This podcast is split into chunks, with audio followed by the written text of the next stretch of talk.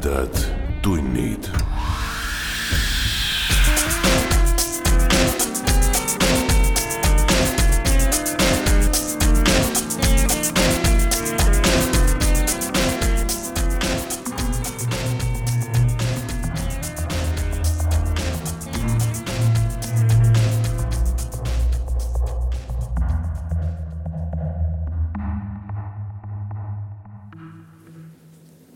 Tere, hea ulmesõber. sa kuuled jutuvestmis podcasti Tumedad tunnid neljateistkümnendat osa. kätte hakkab jõudma sügis ja nagu lubatud, olemegi meie taas eetris. aitäh kõigile, kes on seni meieni oma ulmelugusid ja õuduslugusid toonud.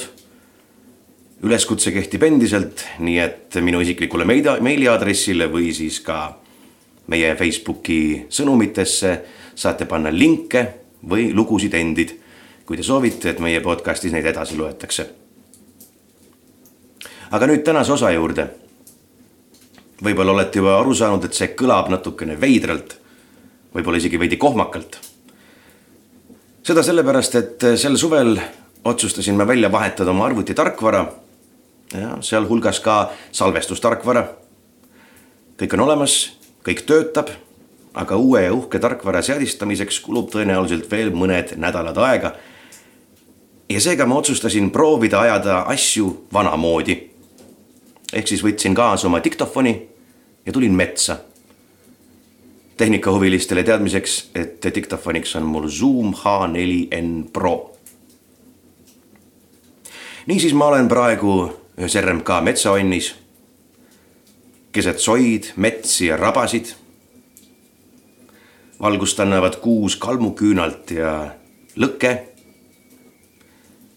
ja ainsaks eri ja heliefektiks, mida te kuulete tänases osas, ongi lõkkepragin. võib-olla vahepeal sadama hakkav vihm. ja mine tea, ehk ka ukse taga müravad Eesti rahvusloomad tänases osas tuleb ettekandele kaks lugu, üks lühem ja teine pikem. alustame lühemast. ma loen teile Marek Tihhonovi jutu Kõik need üksikud inimesed. ma vajutasin end sügavale nahksesse tugitooli, mis imes mind endasse kui näljane vaalaskala ning manasin näole vaos hoitud enesekindla naeratuse ma vaatasin oma kliendile otse silma. see mõjub alati. meelas adrenaliinipuhang surma lähedusest. mu vastas istuja oli jõudnud vanusesse, kus avastatakse keskea suurim viga. nimelt see, et ta läheb mööda. mehe halliks tõmbuvad meelekohad särasid niiskelt. taolise ameti juures, nagu seda minu oma on, hakkad sa varem või hiljem taolisi pisiasju märkama sel hetkel ma juba teadsin, kuidas meie kokkusaamine lõpeb. teadmine ei muutnud mind kurvaks ega rõõmsaks, ei tekitanud vähimaidki emotsioone. see oli lihtsalt teadmine. ma katkestasin vaikuse, mis kippus ületama piinlikkuse piiri. nagu ma teie telefonikõnest aru sain, on teil lahendamist vajav probleem esmalt peaksime kindlaks tegema, kas ma olen teist ikka õieti aru saanud oli näha, et ta oli oodanud teistsugust algust. arutlust viimaste päevade vihmasest ilmast või Kesk-Ameerikat tabanud taifuunist. arutlust üldinimlikel teemadel, et siis justkui muuseas asja kallale asuda. põrgusse, mul polnud nii palju aega. ma kaotasin näolt kasutuks muutunud naeratuse. jah, vastasin ma võimalikult veenva häälega. Te olete minust õieti aru saanud ta pööras vaistlikult võpatades pilgu mu silmadest ning tõstis lauale avatud ümbriku. sealt seest leidsin ma umbes neljakümne aastase naise pildi ja tšeki meeldivalt ümmargusele summale.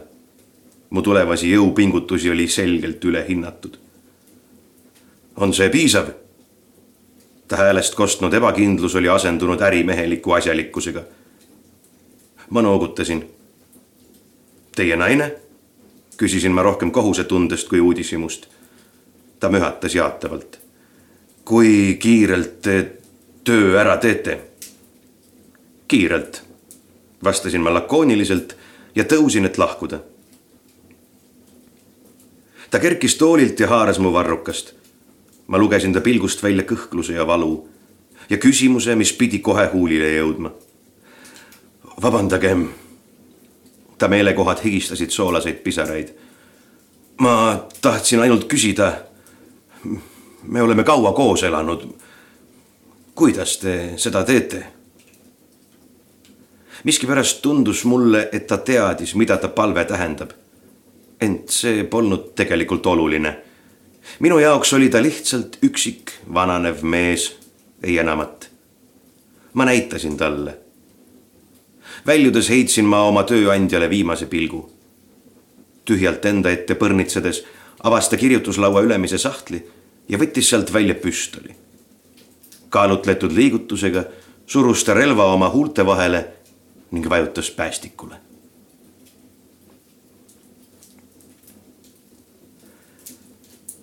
Ta istus varjulises tänavasopis paikneva kohviku ees ning lobises kahe sõbrannaga. naine oli märksa ilusam, kui pilt seda oodata lubas.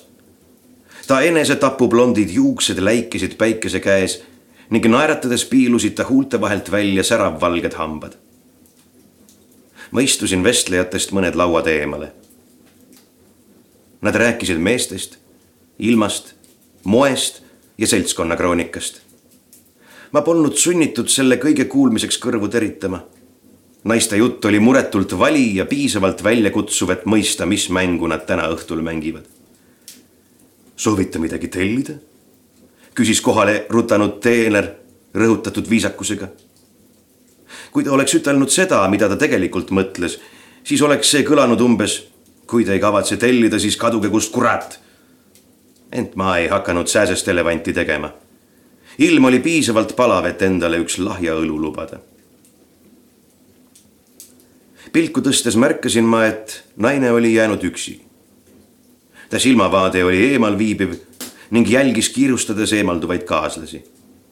ta oli nii kaunis ja tundus nii mahajäetud, et mul hakkas tast peaaegu kahju. ma tõusin ja astusin ta laua juurde. on siin vaba? küsisin ma vaikselt. Ta vaatas mulle üllatunult otsa ja noogutas.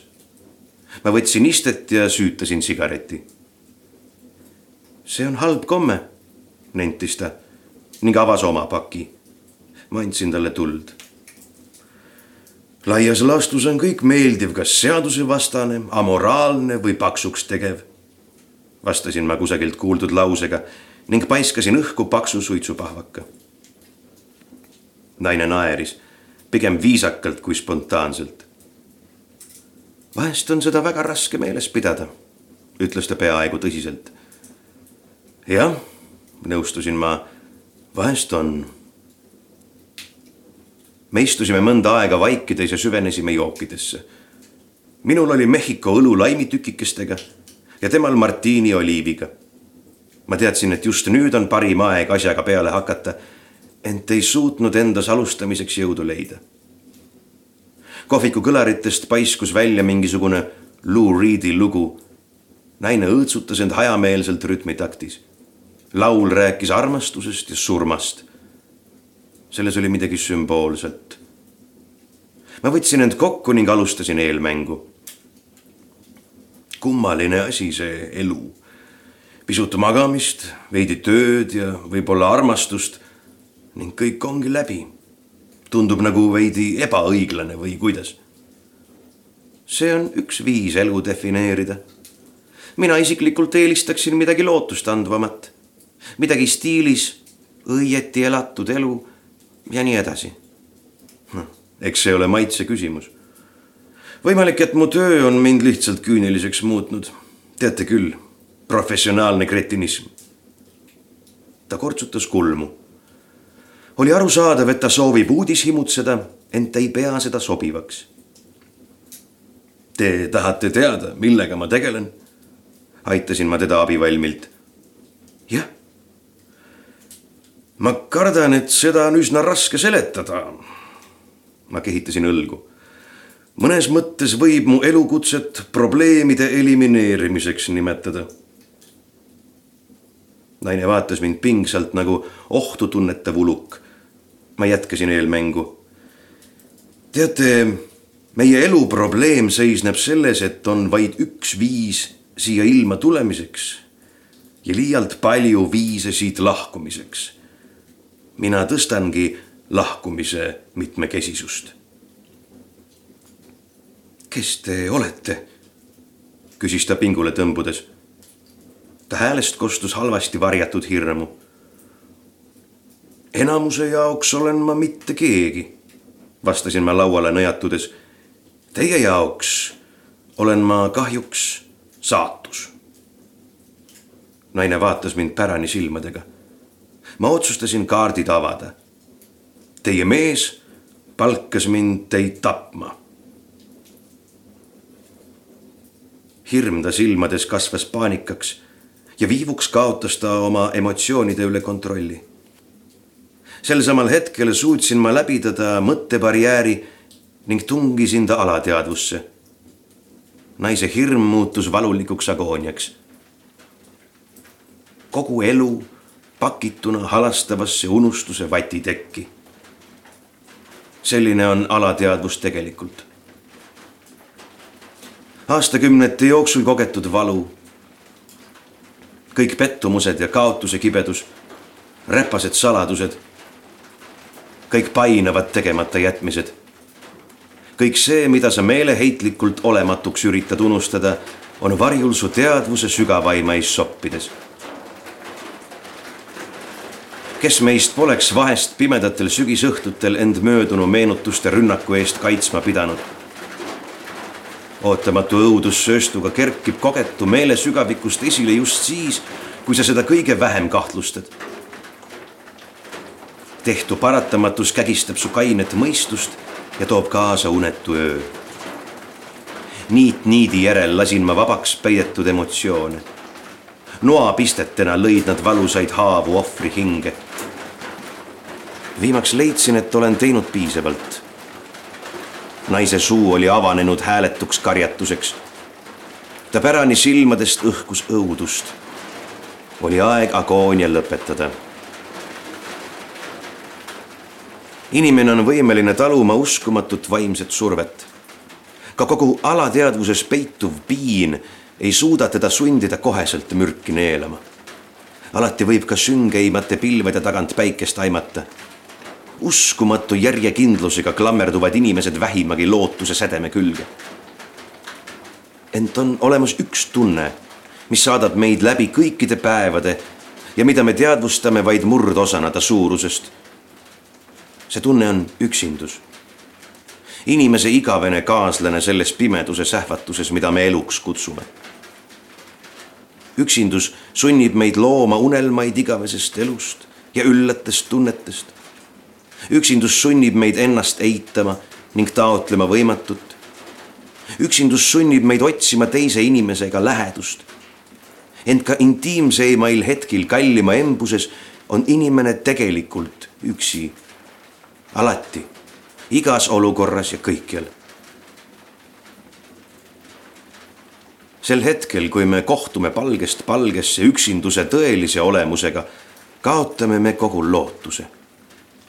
sel tõega vastamise olemise viivul jääb meile vaid üks päjese tee. üks ja ainus võimalus üksindus selja taha jätta. ma vabastasin naise ja pöörasin pilgu kõrvale. Silmanurgast märkasin ma ta eemale viskuvat keha siis kostus pidurite krigin ja kume mütsatus. kostus naiste karjeid ja meeste hõikeid. sündmuskohale tekkis arvukas uudishimutsev rahvasumm. keegi puudutas mind õlast. see oli mind teenindanud kelner. ta oli vapustusest kaame ning ta kätte ununenud kandik värises ohtlikult. kas te tundsite seda naisterahvast? Te istusite samas lauas ja ma mõtlesin ei, katkestasin ma. see oli lihtsalt keegi väga üksik naisterahvas. Te ei suuda arvatagi, kui palju taolisi üksikuid inimesi siin ilmas on.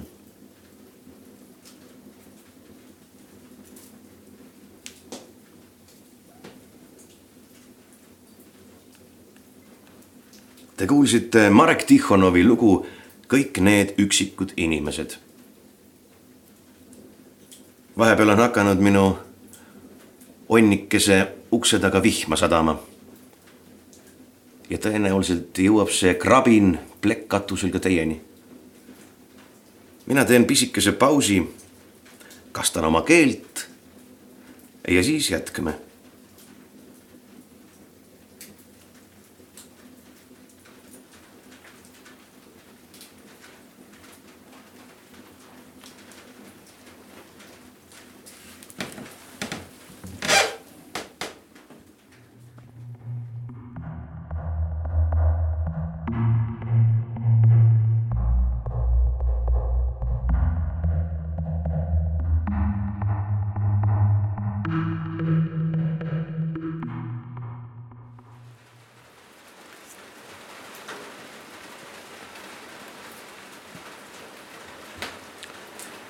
tere taas. tere tulemast tagasi sügisesse, sügisesse metsaonni. minu onni akende taga vihmasadu endiselt jätkub. ja vahepeal pidin ma vahetama ka asukohta, sellepärast et katus otsustas hakata läbi laskma just täpselt selle koha peal, kus mina istusin. tegelikult olgem ausad, uut paika oli päris raske leida, sest katus on siin päris hõre aga me jätkame ja hoolimata väljas ladistavast sügisest, me jätkame looga, mis räägib hoopis vastupidisest aastaajast. ma loen teile Karen Orlau loo Kevadöö unenägu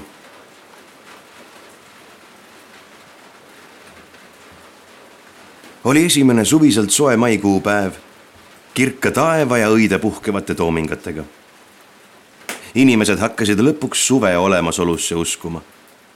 väikelinna terrassid ja välikohvikud olid täis kahvatuid, päevitamata nägudega päikesepüüdjaid. kõik asjaajamised võisid korraga oodata.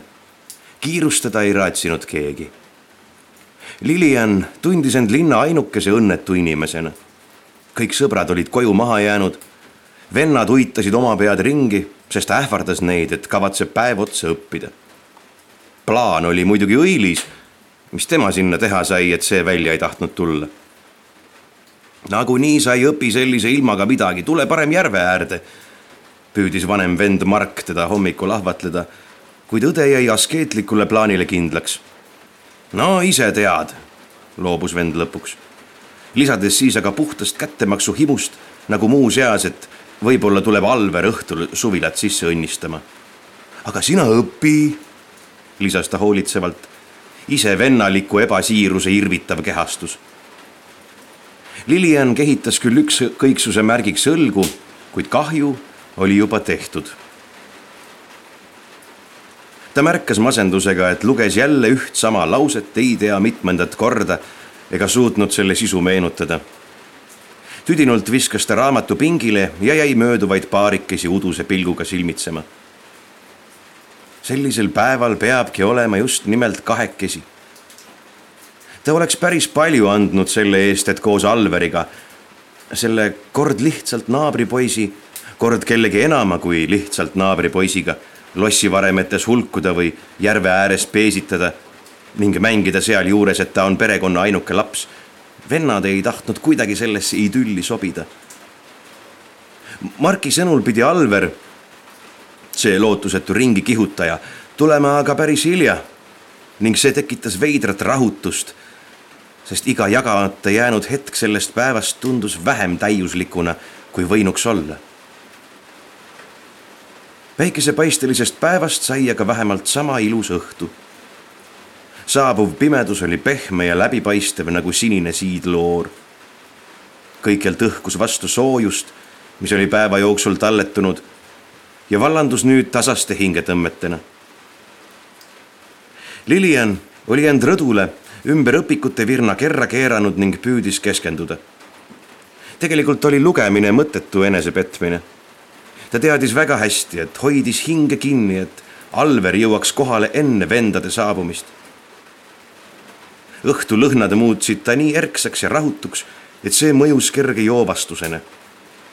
jõuab, ei jõua, jõuab, ei jõua, luges ta teksti ridades pealt, saades peaaegu igal leheküljel erineva vastuse. möödus miljon aastat, enne kui aias kostusid sammud ja siis vaikne. tere, lilleke, mida sa teed? Alveri häälest polnud küll vähimatki väsimust kosta. mitte, et see tema puhul kuigi võimalik olnuks. ta lihtsalt koosneski puhtast energiast, mis oli segatud eluterve uudishimuga ja tembitud uskumatu annuse ettevaatamatusega. see oli väsitav, aga võluv.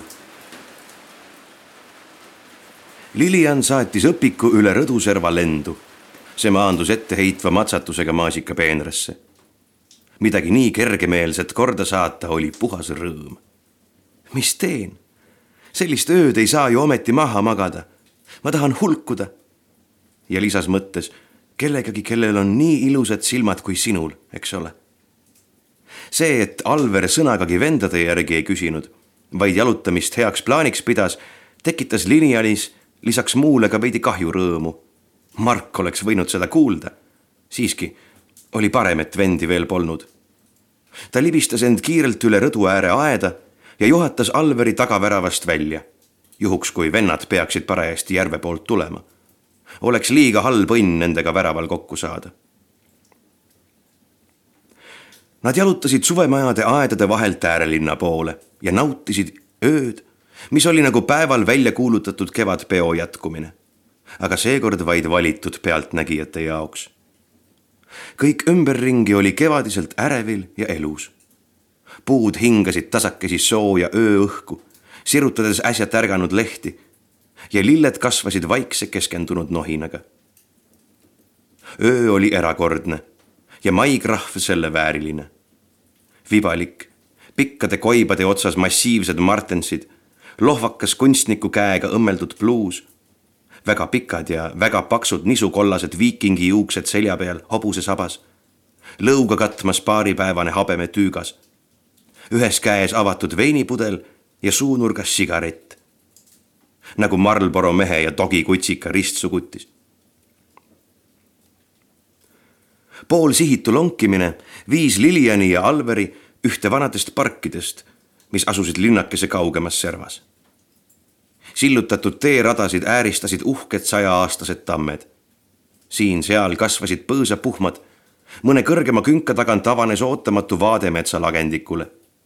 kaugel Pärnasalu sügavuses vulises kosk. Üle käänulise ojasängi oli ehitatud sillakaari ning ühel sellisel nad istet võtsidki. kõlgutasid jalgu ja rüüpasid laiskate sõõmudega veini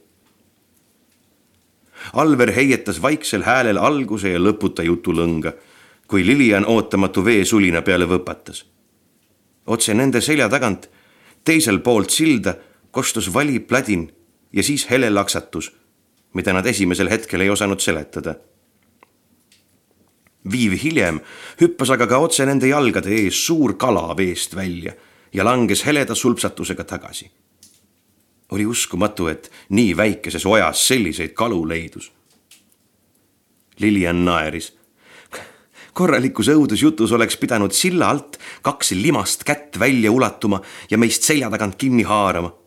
Ja siis tuleks välja, et vana mõisnik on ühe oma taolise, ühe oma teolise viltuste vagude kündmise eest jõkke uputanud. siis küsis ta ülearuse kergemeelsusega. kas sa kummitusi usud? ja pidi seda kohe kahetsema. teine vastas laisa üllatusega. ma ei teagi ei saa ju kindlalt öelda, et neid olemas ei ole. hämar park näis muutuvat kõhedamaks. Seda poleks juhtunud, kui Alver oleks öelnud, et kummitusi pole iseenesest mõistagi olemas. ümbritsev öö oli liiga maagiline, et kergekäeliselt midagi ülearust ütelda. kindlasti mitte kummituste kohta. Alver oli aga paksunahaline nagu jõehobu ja ei taibanud üldse, et koht ei olnud kõige sobilikum vaimudest rääkimiseks. Ta vasikaripsmetega varjutatud silmadest oli näha, et see mõte hakkas talle meeldima. kujuta näiteks ette, alustas ta teise poolt kardetud jutulõnga. kui sa näiteks öösel ärkad üles ja näed oma toas kummitust, mida sa teeksid? annaks ilma pikemalt mõtlemata vastu pead.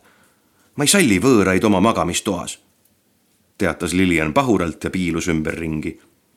Ilus oli ja rahulik. pealtnäha ei midagi hirmutavat. kui, siis vaid õige pisut salapärane. Sõnajala puhmade vanade tammede all kuulusid kindlasti hald ja metsa. sellises paigas ei saa sündida midagi halba. aga siiski, ettevaatus ei tee kunagi halba pealegi kartis Lilian pimedust ning hoolimata enesesisendusest ja ümbritseva vaiksest rahust oli selles peidus ka kõhedust, mida tüdruk kangekaelselt püüdis mitte märgata. täiesti pahatahtmatult ei jätnud Alver asja sinnapaika. meil vanas majas kummitas päris korralikult. ja jah, poetas Lilian mitte eriti julgustavalt siiski mõjus vein vapruse peale hästi. võib-olla ei peakski kummitusi kohe lööma minema. Alver jätkas häirimatult. Nendega võis ära harjuda. alguses oli imelik, aga pärast las kolistavad. aga on ju rotid ja tuuletõmme ja sellised asjad, võttis Lilian tasakaaluks klassikalise skeptiku rolli. no on selliseid hääli, mida rott teha ei oska, isegi parematel päevadel. ega sa ei taha öelda, et ronisid pööningule, kui seal kummitas? loomulikult. Alver oli siiralt imestunud. ma poleks ju kusagilt naaberkülast saanud järgi uurida, mis mu oma pööningul toimub. mis nad ikka teha saavad? peast segi, leidis Lilian, aga uudishimu näris mis sa siis nägid? ei midagi. keegi oli kindlasti seal, ainult näole ei andnud. ta isegi puudutas mind. Lõpeta ära, viiksatas Lilian, sest nüüd hakkas see väheke liiga kaugele minema.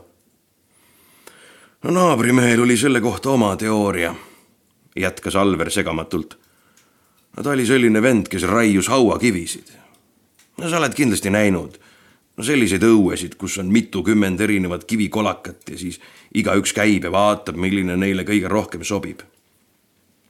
Alver irvitas heatahtlikult vend ise oli mingi kodufilosoof, rääkis tarka juttu ja otsis elu mõtet.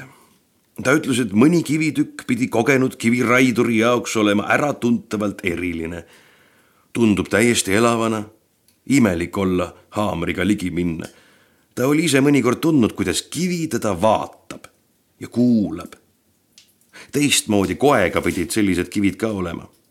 hauakivideks pidid hästi sobima, pakuvad surnule seltsi. aga eriti karm olevat, kui vale kivi satub vale inimesega kokku, siis on jama majas. noh, võta siis kinni. ühest küljest tundub see täitsa mõistlik jutt, teisest küljest jälle selline energiate ja väljade jahu. Alver tõmbas hinge ja lonksas veini. ööbikud olid kuidagi vaikseks jäänud. võib-olla ehmatas neid see ühtlane madalahäälne jutukõmin jõesillalt. Kuidas siis on?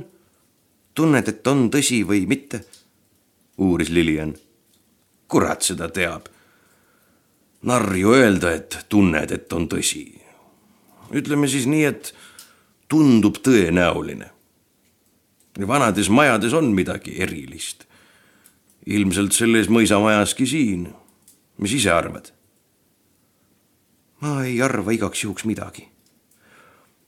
Pimedas pargis mina kummitusi ei usu. Lilian oli kõhevil ja tahtis teemat vahetada. kuid siis märkas ta eemal puudesalus mingit liikumist. tume kogu mis nii kiiresti tüvede varju sulas, et võis kergesti ka silmapete olla. Lilian ehmatas tõsiselt, kuid kutsus siis kaine mõistuse kohe koju tagasi. Alver, vaata, kas seal on keegi. Sikutas ta teist varrukast. Alver heitis Pärnasalu poole pilgu ja kehitas õlgu. mina küll ei näe. no sulle lihtsalt tundus.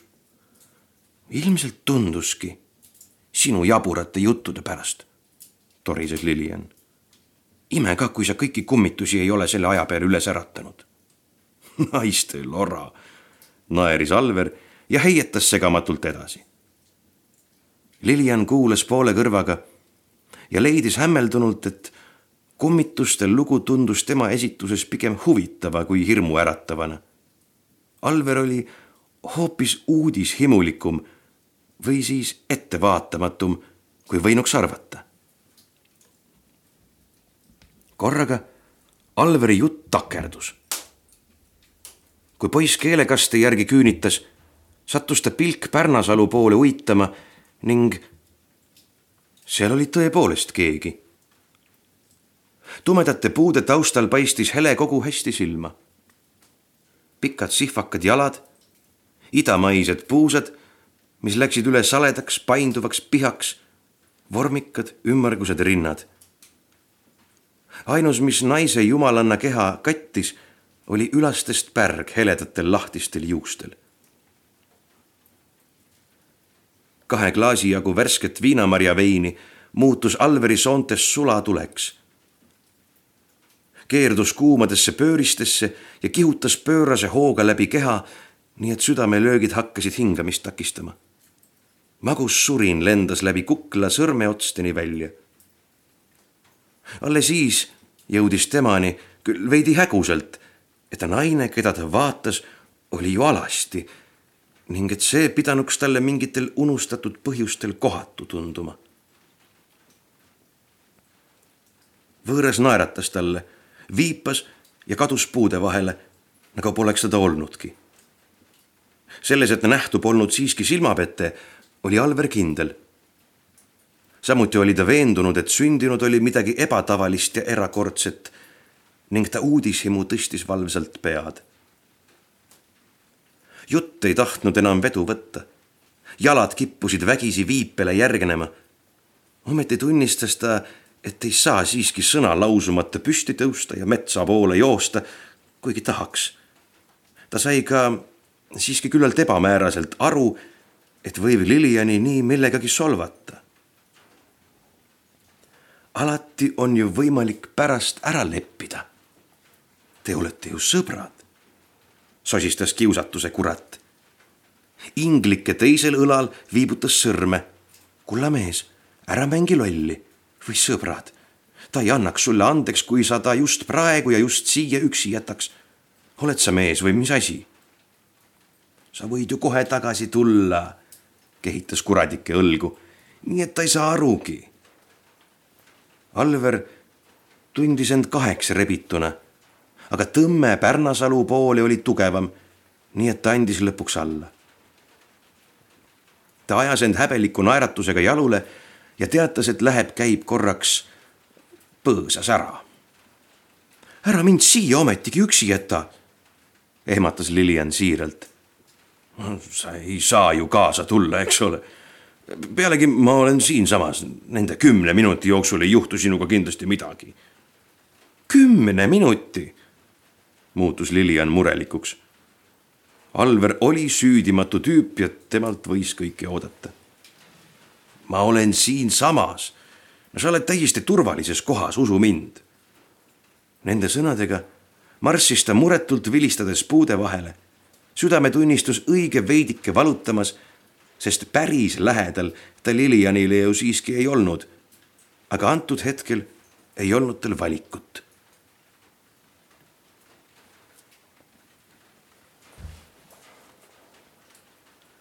Lilian niheles rahutult. olgu mis oli, aga sellises paigas oli kõhe. miski häiris teda väga tõsiselt ja tunne, et peaks võimalikult ruttu ära minema peitu pugema, põgenema, üha süvenes. aga see oli nii seletamatu ja sügavalt alateadlik, et ta ei teadnud isegi, kumba ta rohkem kardaks. kas joosta mööda pimedat pargiteed või jääda sinna, kus ta on. Ta piilus läbi pimeduse Pärnasalu poole. nüüd oli küll kindel, et seal liikus keegi. mingi pikk vari paistis korraks puude vahelt. Lilian hüppas hirmunult püsti. Alver, hüüdis ta häälega, mis kostus õige haledana. Alver, kus sa oled? tule kohe tagasi. lõpeta oma lollid naljad ja kui sa kavatsed mind hirmutada, siis ma ei anna sulle elu sees andeks. vaikus. Ainult puud kohisesid ümberringi. kuhu see Alver nüüd ometi jäi? oleks olnud päris kergendav, kui ta oleks mingi totra möiratusega põõsaste vahelt välja karanud. aga Alver ei teinud isegi seda. huvitav, mitu minutit möödas oli äkki ta läks lihtsalt kaugemate põõsaste taha ja tema teeb ilmaasjata paanikat. põõsaste tagant paistis tuli ja tuttavlikult pikakasvuline kogu. kuid see ei olnud Alver. Liliani esimene tunne oli pöörane ehmatus. teine, hoopis kainem ja teotahtelisem mõte oli, kust leida kaigast tüdruku pilk peatus peopesa suurusel munakivil otse ta jalgade ees. ta võttis kivi pihku ja puges ise jõe kohal kaarduva silla alla varju. tulija sammus kiirustamata mööda rada.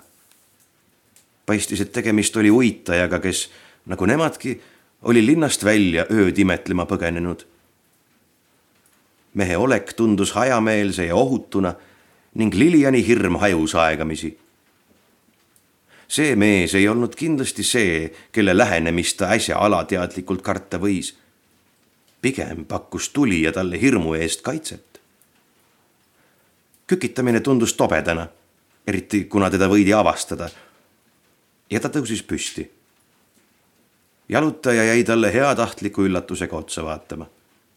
ei, ohtlik ei olnud see inimene küll mingil juhul, kuigi ta oli küllalt veider temas oli midagi ajatut, seletamatult arhailist.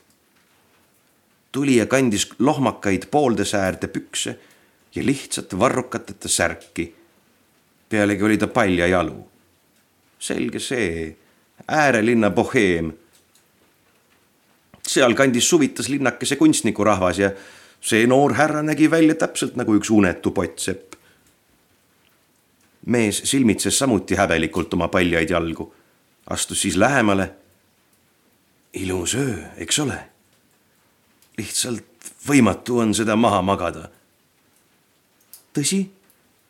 naeratas Lilian ja leidis, et tal ei ole midagi võõraga jutuajamise vastu. pigem isegi oli midagi selle poolt. mehe õlgade siru ulatus oli usaldust äratavalt lai ja Liliani pilk kiitis selle innukalt heaks. hirm oli kadunud ja pealegi oli ta just hakanud end kuidagi väga mahajäetuna tundma. paljaste jalgadega on lihtsalt mõnusam, viipas teine oma murul mõnulevatele varvastele. proovi ise. Lilian võttis kingad jalast ja tundis pehmet jahedat rohtu taldade all. see oli tõepoolest mõnus pehme, siidine, natuke kõdi. kas sa elad äärelinnas?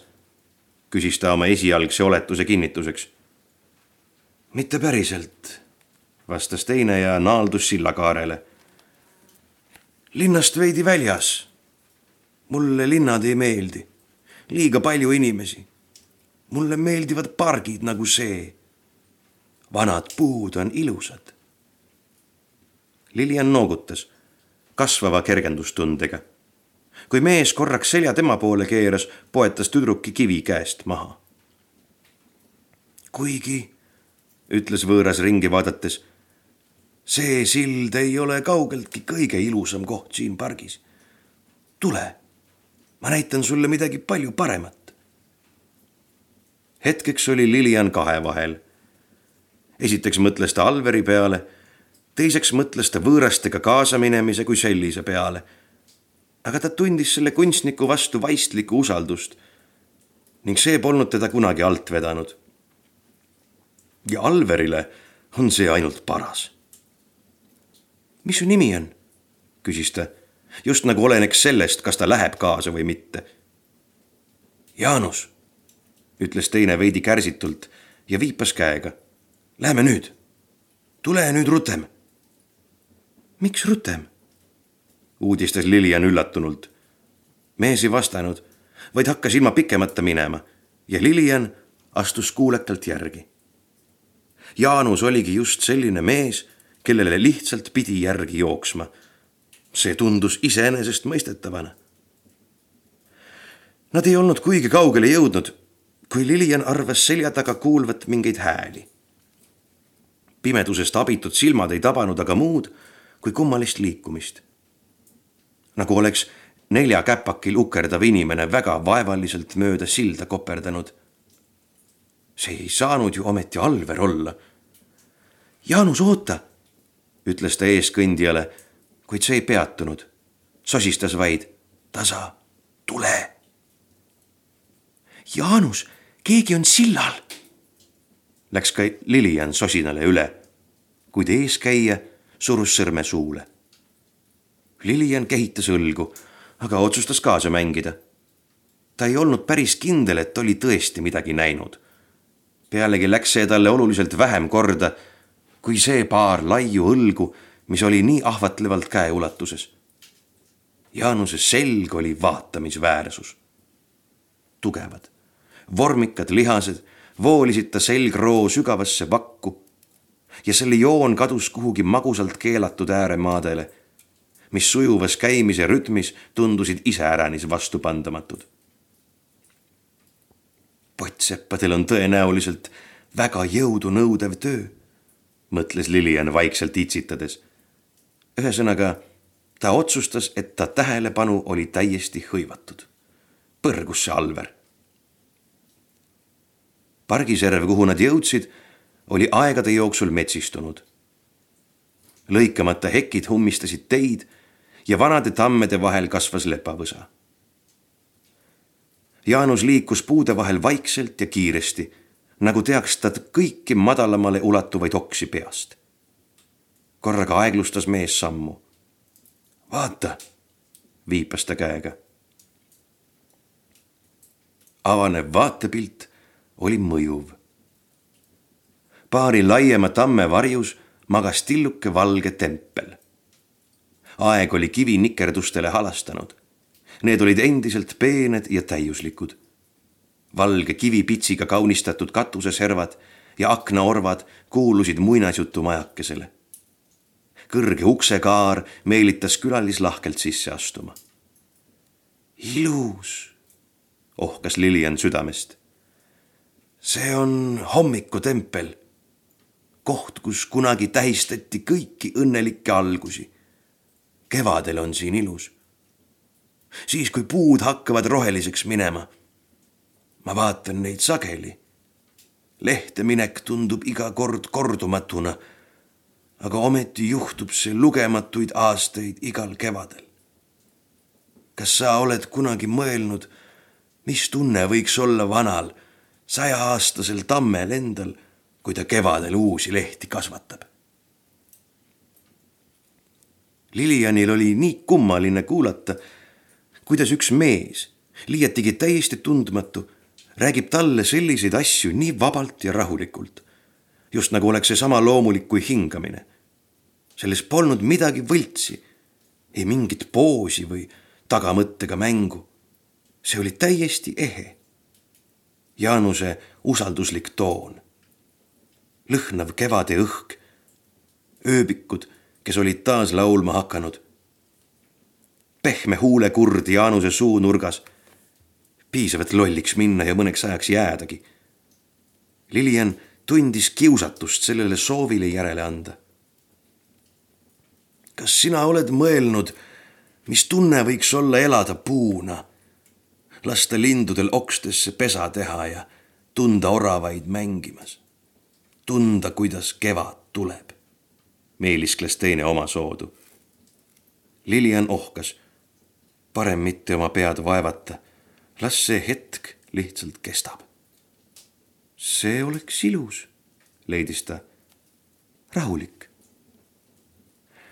aga kui sa saaksidki päriselt proovida, kui keegi tuleks ja sulle sellist võimalust pakuks, kas sa julgeksid?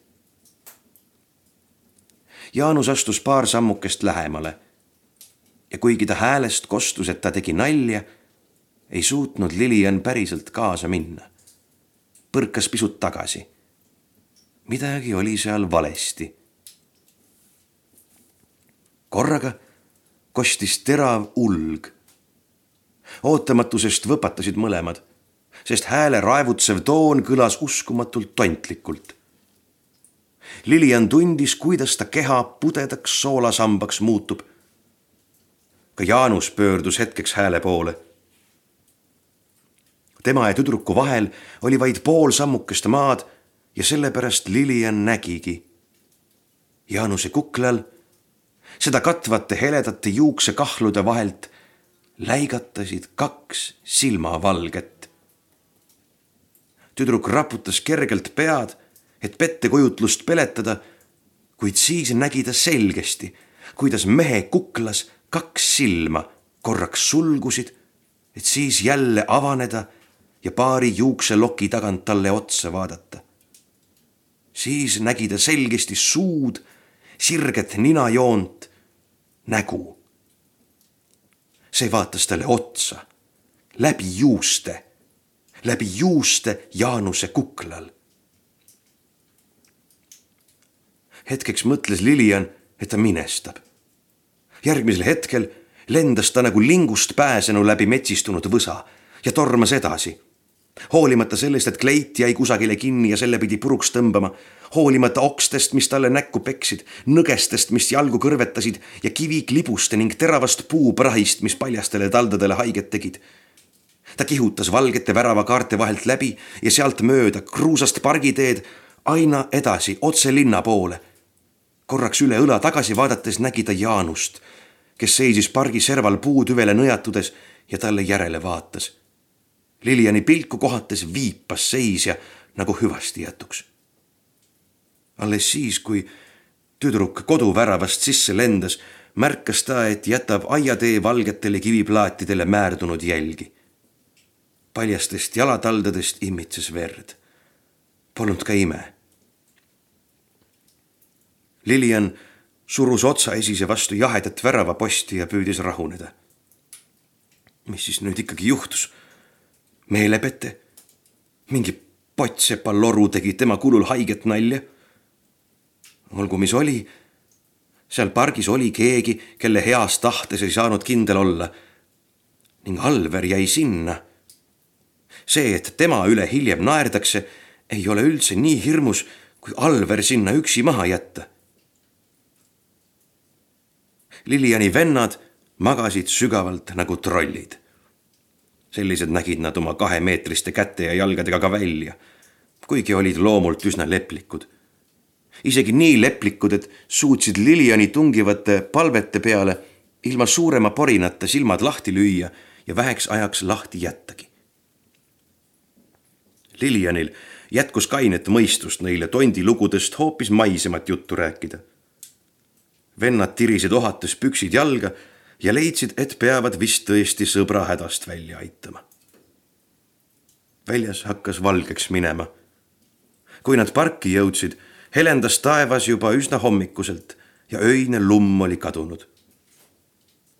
puud ja põõsad ei pärinenud enam mõnest muinasjutumetsast, vaid olid tavalised vanad mõisapargi puud, mis on parasjagu igakevadiselt lehte minemas sillal ei olnud Alverist mingit märki. Ainult üks Liliani king vedeles maas. teist ei paistnud kusagil. Mark saatis noorema venna ja õe põhjapoolse värava juurde. ise lubas aga Pärnasalus ära käia. paistis, et vennad arvasid, et leiavad kusagilt oimetuks pekstud Alveri. Lilian ei teadnud aga isegi, mida õieti otsima peaks ta oli lihtsalt väga sügavas segaduses. Asjalik tegutsemine hoidis mingil moel reaalsuse raame koos. väike tempel värava kõrval paistis päikese käes veel ilusam, kui see õhtul hämaras oligi. puude vahel ei paistnud õnneks ühtegi teist inimest peale nende, ning Lilian usaldas templile lähemale astuda. avarast ukse kaarest paistis tillukese katuse aluse vähene sisustus. kaks pinki ja nende vahel nišš, millest jooksid alla mõned teab kui vanad küünlavahanired. alguste tempel siis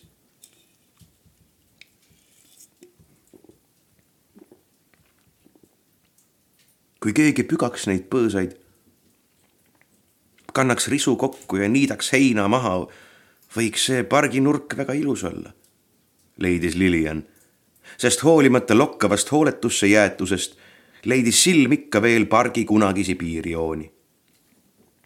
Need umbekasvanud põõsad olid rododendronid, siinsamas kasvas mest-, metsistunud jasmiinihekk, siin-seal paistsid mõned hallist kivist skulptuurid mis kunagi templit kaunistasid. nüüd olid needki üpris samblasse kasvanud ja risu alla mattunud. üks neist, templile kõige lähem, oli künkal istuv mehe kuju, mis möödujatele viipas, nagu kutsuks neid katuse alla jalgu puhkama. Tegemist oli mingi mütoloogilise tegelasega. tundus, sest kuju korraga kahte suunda vaatavat pead kaunistas Loorberi pärg ning ta külalislahkes žestis oli kübekene teatraalset surematust.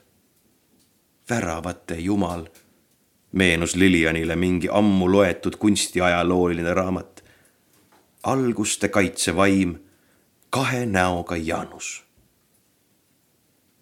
korraga hakkas maapind kõikuma või nii vähemalt tundus. Lilian komistas Januse ette astudes ja surus pihud kujusamblasse kasvanud näole, ise uskumata, et ta midagi nii kuutõbist võiks hetkekski tõsiselt võtta. paar liigutust ning kuju nägu, vähemalt üks neist, oli samblast puhas. see oli arusaamatu, mõistuse vastane, aga nii ilmne sarnasus öise kaaslase näojoontega ei jätnud mingit kahtlust mida sa teed seal omast arust? imestas Kristjan, kes ei saanud aru, miks ta õeraas, kes just äsja Alveri pärast nii väga mures oli, nüüd korraga juba mõnda aega vana kuju ees seisis. otsime Alverit või vahime niisama, porises ta magamata inimese õelusega. Ja jah, leidis Hil-, Lilian hajameelselt ja astus edasi ta vaatas teel mitu ja mitu korda tagasi, silmad uskumatusest pärani. kuju seisis endiselt templi kõrval ja viipas värava suunas ning see viibe võis olla nii kutse kui hüvasti jätt. Mark ootaski neid. Tema ilmest paistis, et ta oli kõvasti kahtlema hakanud, kas neil ikka oli sügavat mõtet ennast maast lahti ajada ja oli selge, et see kahtlus tegi teda pahuraks iseenesest mõistagi ei olnud Pärnasalus Alverist jälgigi. ilmselt oli poiss juba ammu maha löödud või siis koju läinud, mis talle, Markile, tundus veel eriti usutavana. kummalgi juhul ei olnud neil seal enam midagi teha. vanem vend põrnitses Liliani altkulmu. Olgu, mehed-vennad, otsime mu kinga üles, siis võib vist tõesti ära minna, ütles ta vabandavalt nüüd Lilian vähemalt teadis, mida otsis. kujusid. ühe põõsa all oli siil ennast mõnusalt kerra keeranud. ta hallist graniidist selg väljendas õndsat unerahu. uskumatu, et ta oli niiviisi juba palju aastakümneid maganud ja ei saanud ikka küll, vaid magas endise isuga. künka taga mängisid kaks karupoega tagumistel jalgadel püsti nagu maadlejad. mõnus tumepruun kivi tundus vaatajale ehtsa karusnahkse kasukana. vennad koputasid oimu kohale, istusid sillale maha ja tegid suitsu. Nendele aitas. sillast mitte eriti kaugel kasvas vana paju. Lilianile meenus, et Jaanus oli teda sillalt ära viies vana puud silmitsenud jalad tõrkusid mingi ebameeldiva eelaimuse ajel, kui ta paju poole kõndis. see poolkuivanud puu hirmutas teda. aga päevavalgus ning vennad, kes sealsamal sillal istusid, andsid julgust. paju alt leidis Lilian oma puruks rebitud kinga. kuivanud okste vahel, mis peaaegu vastu maad langesid, varitses üks hallist maakivist olevus. mitte Kerberos, selleks oli loom liiga maine, ka mitte lihtsalt hunt, sest ta lõuad olid liialt võimsad, kihvad liialt pikad ning teravate küünistega käpad sarnanesid pigem kassikäppadele. metselaja koon oli kurja kuulutavalt kirtsus paljastatud kihvad ja kurjalt kissis kiskja silmad ei tõotanud midagi head. Kivikuju õel ilme hirmutas isegi kaines päevavalguses, mis siis veel, kui looma tagumistest jalgadest olid killud välja löödud. keegi oli kunagi võtnud kangi ja selle elaja tagajalad purustanud.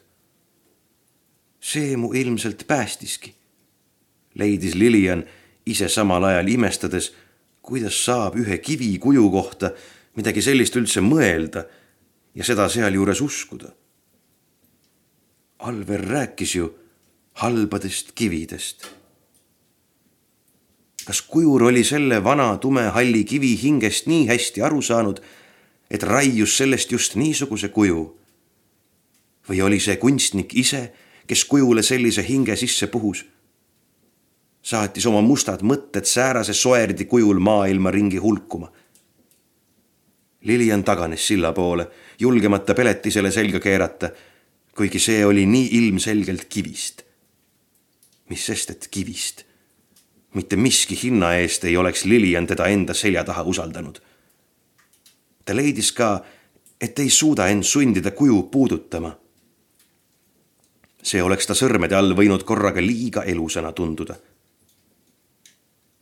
ta palus vendadel veel natuke aega vähemalt sillalgi istuda ja teda oodata. päris üksi ei tahtnud Lilian parki jääda, sest hoolimata turvalisest päevavalgusest võis juhtuda, et see loom veel kord ellu ärkab. kujud. pärnade vahel polnud neid üldse vähe. kaks poisikest, üks paljas nagu porgand, vallatlev Cupido. teine lausa tänapäevaselt riides kuid üsna sarnase ingli näoga. poisid mängisid keskendunult nagu lapsed ikka ning neil oli selleks terve igavik. väike valgest kivist kits jõi ojakalda ääres. rammus mahedast maakivist metsis uhkeldas künka otsas. Lilian leidis isegi ühe kiviliblika. Pärnasalu tagumises servas varjusid viimaste ülaste vahele alasti nümf ja teda imetlev surelik. metsikud juuksesalgud õlgadel ja lillepärg peas. Lilian läks lähemale.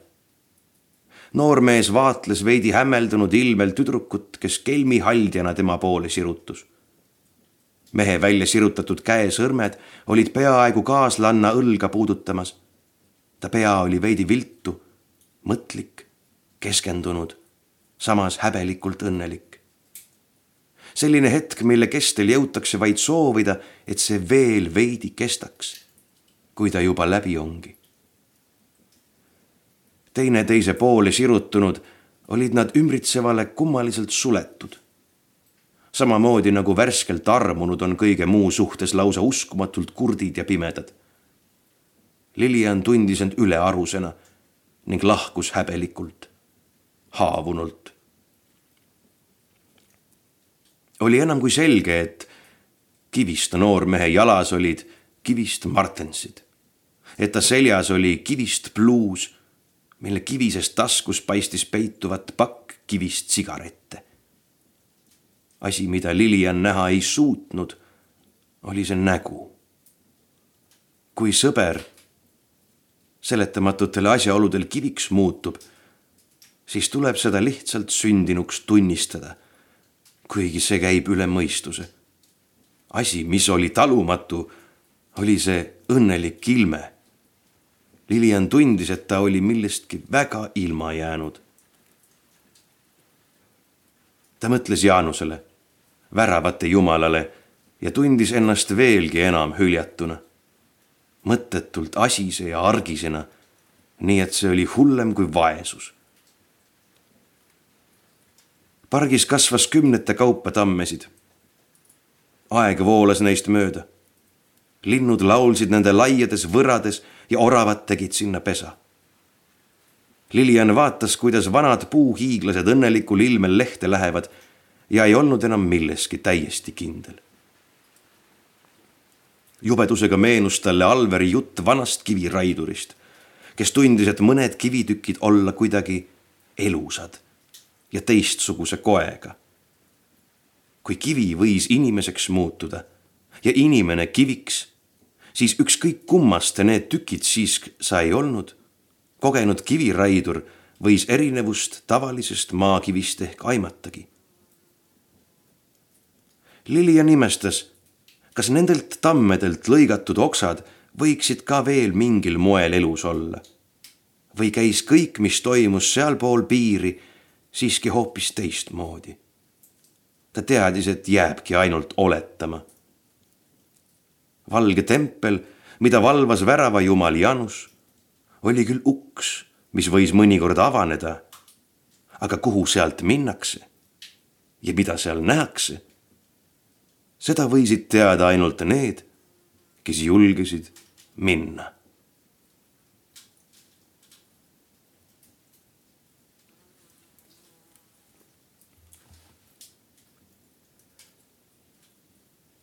ma lugesin teile Karen Orlau loo Kevadöö unenägu. ja sellega ongi meie tänane osa lõppenud. vihm on lõppenud akna taga. lõke on juba madalaks kulunud. ja on aeg seda elustada olge head ja andke meie Facebooki lehel kommentaariumisse teada, kas ka, kas ja kuidas teile sellisel kujul tumedate tundide osa meeldis. ja meie teiega kohtume juba järgmine kord tavapärases vormis. Kuulmiseni